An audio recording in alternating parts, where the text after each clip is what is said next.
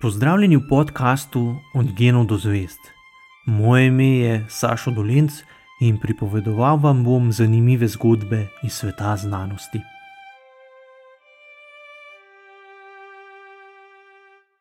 Ko se je 16-letni Albert Einstein želel pisati na študij fizike in matematike, so ga na univerzi v Zürichu zavrnili.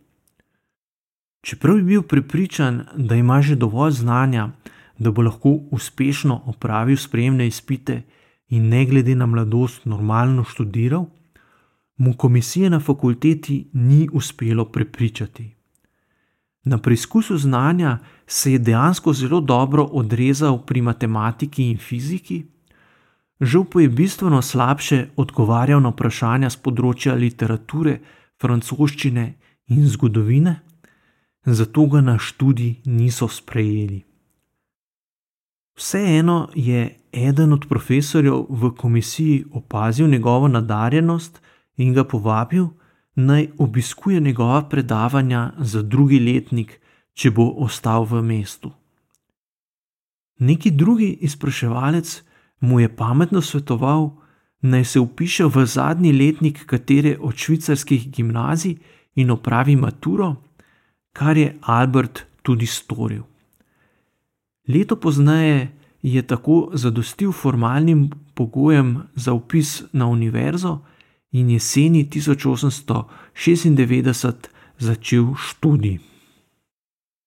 Sprva je z veseljem obiskoval predavanja in bil vzoren učenec, a je kmalo spoznal, da se v okviru rednih učnih ur ne bo seznanil z najnovejšimi fizikalnimi teorijami, ki so ga najbolj zanimale.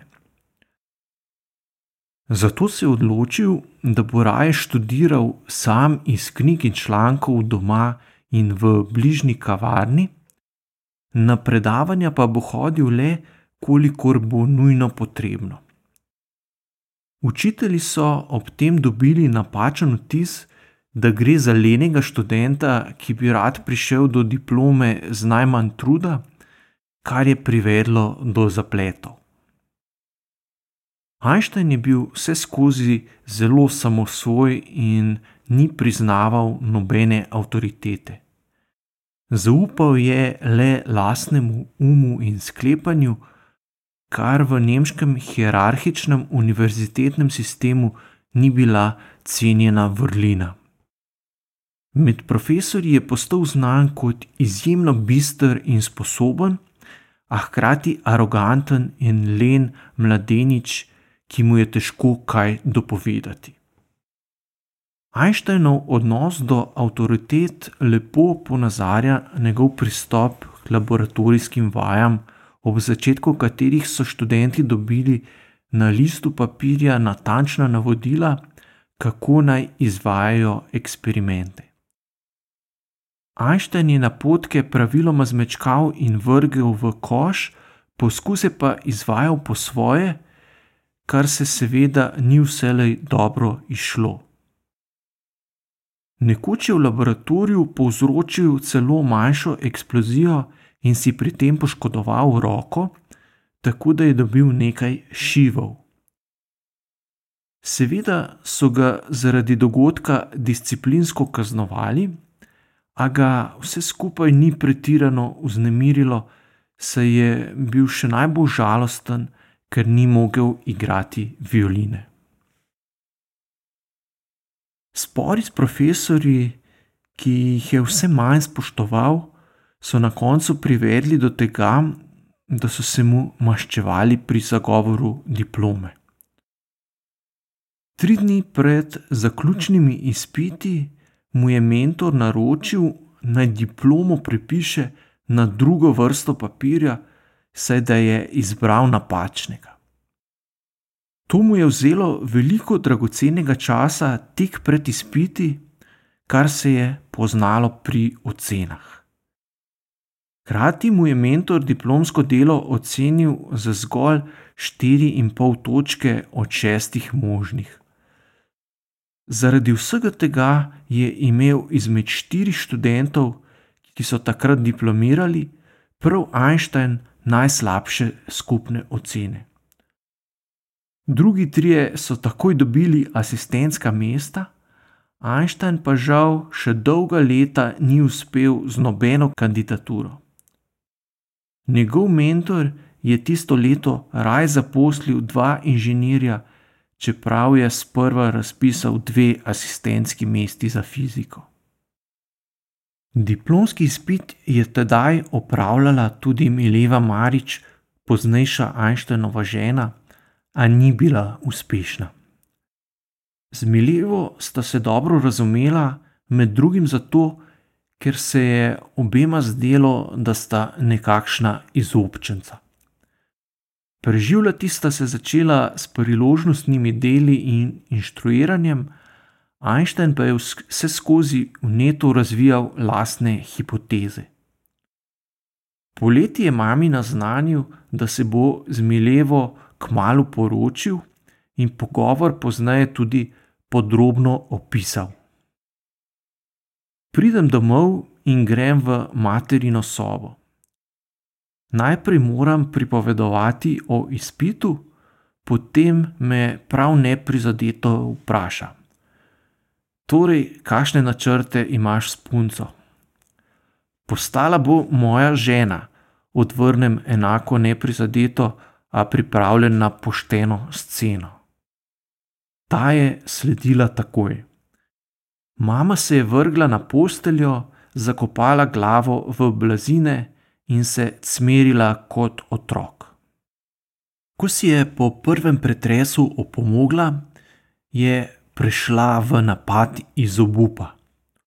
Uničuje si prihodnost in zapira življenjske poti ta punca ne sodi v pošteno družino. Če bo dobila otroka, boš v pravi kaši. Ob tem zadnjem izbruhu sem končno izgubil potrpljenje. Energično sem zavrnil sum, da živiva v grehu in jo močno oštev. Ravno sem hotel zapustiti sobo, ko je prišla mamina prijateljica. Tudi pozneje, ko je že objavil svoj prvi znanstveni članek v ugledni znanstveni reviji Annalen Physik, je bojkot na njegovo zaposlitev v akademskem svetu še veljal. Pošiljal je prošnje po vsej Evropi, a brez uspeha.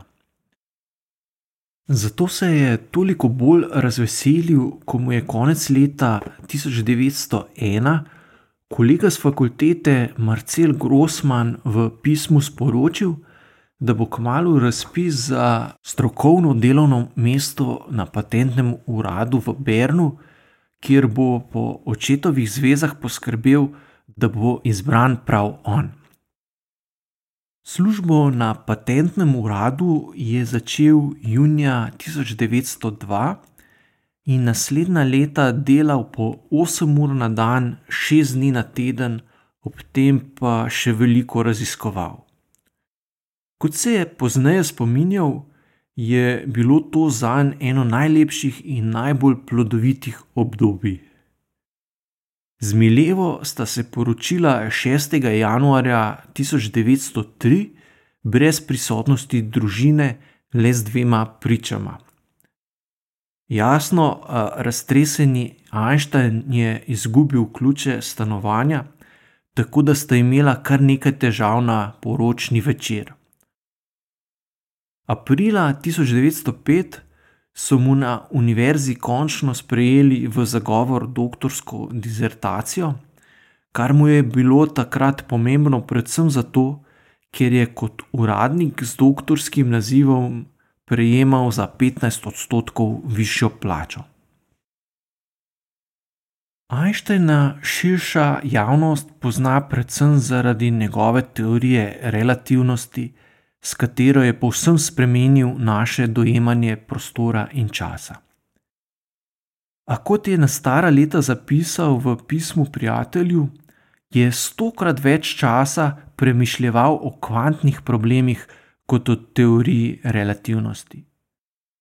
Ključna fizikalna vprašanja tistega časa so bila, iz česa je zgrajen svet, ali atomi res obstajajo, veljajo za nje enaki zakoni kot za naš vsakdani svet, kakšna je interakcija med svetlobo in snovjo.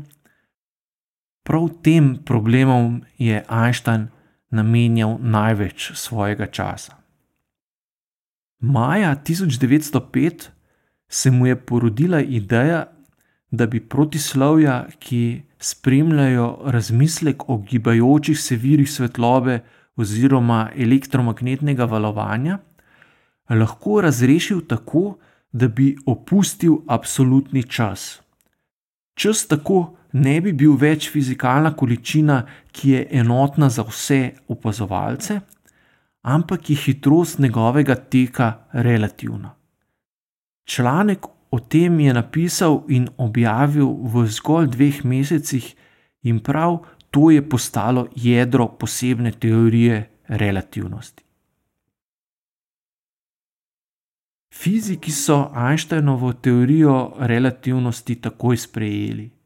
Prvi je o njej predaval Max Planck, vodilni fizik tistega časa, že jeseni leta 1905, torej zelo kmalo po objavi članka. Povsem druga zgodba pa je bilo sprejetje hipoteze o obstoju svetlobnih kvantov oziroma fotonov, ki jo je Einstein prav tako objavil leta 1905. Za to teorijo ni bilo navdušenja, ker se je fizikom takrat zdelo, da odpira več problemov, kot jih rešuje. Vendar je sam največjo težo med svojimi objavami leta 1905 pripisoval prav tej razpravi, za katero je pozneje dobil Nobelovo nagrado. Čeprav je bil življenjem, ki ga je prinašalo delo patentnega uradnika, zadovoljen, je vseeno še vedno poskušal tudi z iskanjem akademske službe, saj si je obetal, da bo lahko tako več časa namenil raziskovanju. Kljub temu, da je bila njegova posebna teorija relativnosti v strokovnih krogih že dobro znana in sprejeta, je imel z univerzitetno birokracijo še vedno težave. Leta 1907 so mu, da nimo, zavrnili habilitacijo, ker je v vlogi priložil le svoje že objavljene članke, ne pa tudi posebne dispozicije, kot je bila to navada v nemškem univerzitetnem svetu. Naslednje leto je na novo poskusil srečo, a je tokrat priložil zgolj eno svoje delo, ki sicer ni bilo tako pomembno in prelomno, kot so bili revolucionarni članki iz leta 1905, a je bilo daljše in bolj enotno. Tokrat so mu odobrili naziv zasebnega docenta, kar mu je omogočilo, da lahko brez plačila predava in kandidira za službe na univerzi, če se slučajno odprejo kakšna vrata. In res je trajalo še kar nekaj časa, preden so se univerzitetni organi končno opogumili in Einsteinu ponudili profesorsko mesto. Ob tem je nastal še zaplet, ker so mu sprva ponudili bistveno manjšo plačo, kot jo je dobival na patentnem uradu, kar je zavrnil.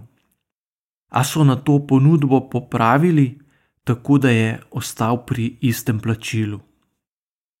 Zdaj sem tudi uradno član ceha Vlačuk, je pisal prijatelju, ko je maja 1909 končno sprejel mesto izrednega profesorja teoretične fizike na Univerzi v Cirihu.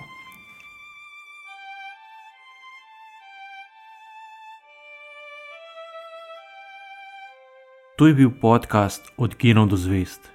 Moje ime je Saša Dolence in z novo zgodbo se vam oglasim že k malu.